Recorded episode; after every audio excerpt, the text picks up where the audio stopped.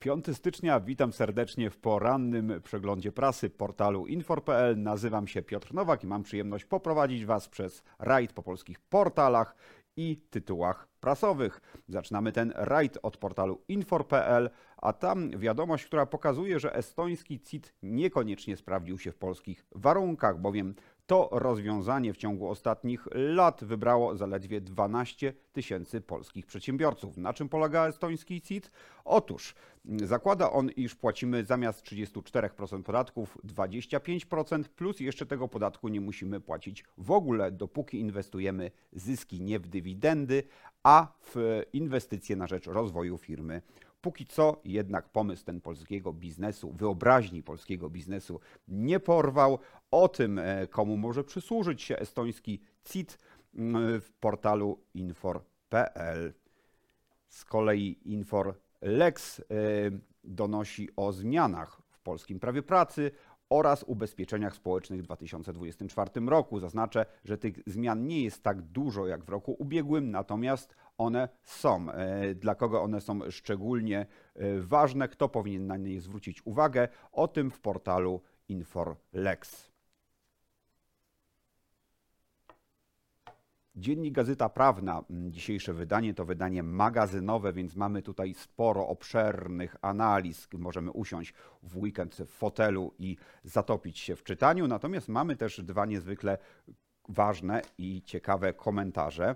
Pierwszego z nich autorem jest Piotr Wójcik, tytuł Suma liberalnych strachów i autor rozprawia się tutaj z pewnymi stanami lękowymi związanymi z tym, że rosną podatki, że rośnie płaca minimalna, no i też niektórzy przedsiębiorcy obawiają się mm, tego, że pojawiają się nowe daniny. Tymczasem Piotr Wójcik twierdzi, że cywilizowane państwo potrzebuje podatków, żeby w miarę normalnie funkcjonować. To przykre, że co roku trzeba powtarzać te same truizmy. W reakcji na taki argument odzywają się głosy, że nasze państwo nie jest ani cywilizowane, ani sprawne.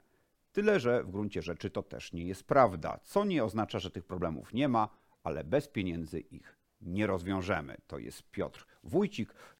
Z kolei Łukasz Wilkowicz w tekście po drugiej stronie płasko wyżył opowiadanie o swoich doznaniach z perspektywy geograficznej, a chodzi o słowo wytryk w ustach prezesa Narodowego Banku Polskiego Adama Glapińskiego, który mówił o płaskowyżu inflacyjnym.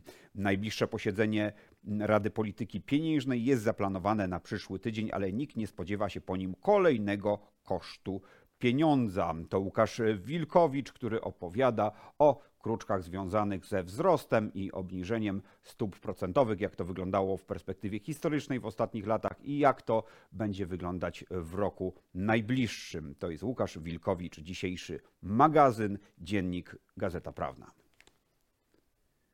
Już Niebawem do Polski napłyną miliardy z Krajowego Planu Odbudowy, natomiast sytuacja też rodzi nowe wyzwania. Otóż w 29 profesjach będzie brakować rąk do pracy. Niedobór kadr jest prognozowany między innymi w branży transportowej i spedycyjnej, gdzie będzie brakować kierowców samochodów ciężarowych, a także wśród psychologów, pielęgniarek, lekarzy, spawaczy, elektryków, elektromechaników i kierowców autobusów.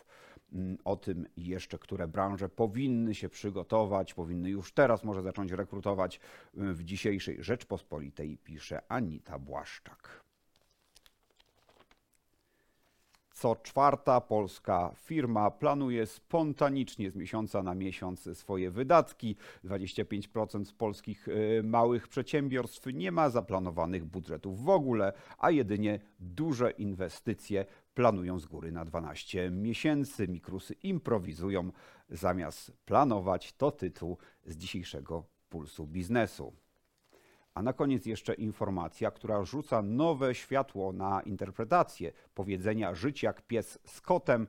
Otóż w amerykańskim stanie Oklahoma e, dostojny czworonóg został zaatakowany i dotkliwie pogryziony przez bandę kojotów było już by z nim bardzo źle, pewnie by się znalazł już po drugiej stronie tęczowego mostu, gdyby nie interwencja jego kociego przyjaciela, który przepędził kojoty, umożliwił interwencję medyczną.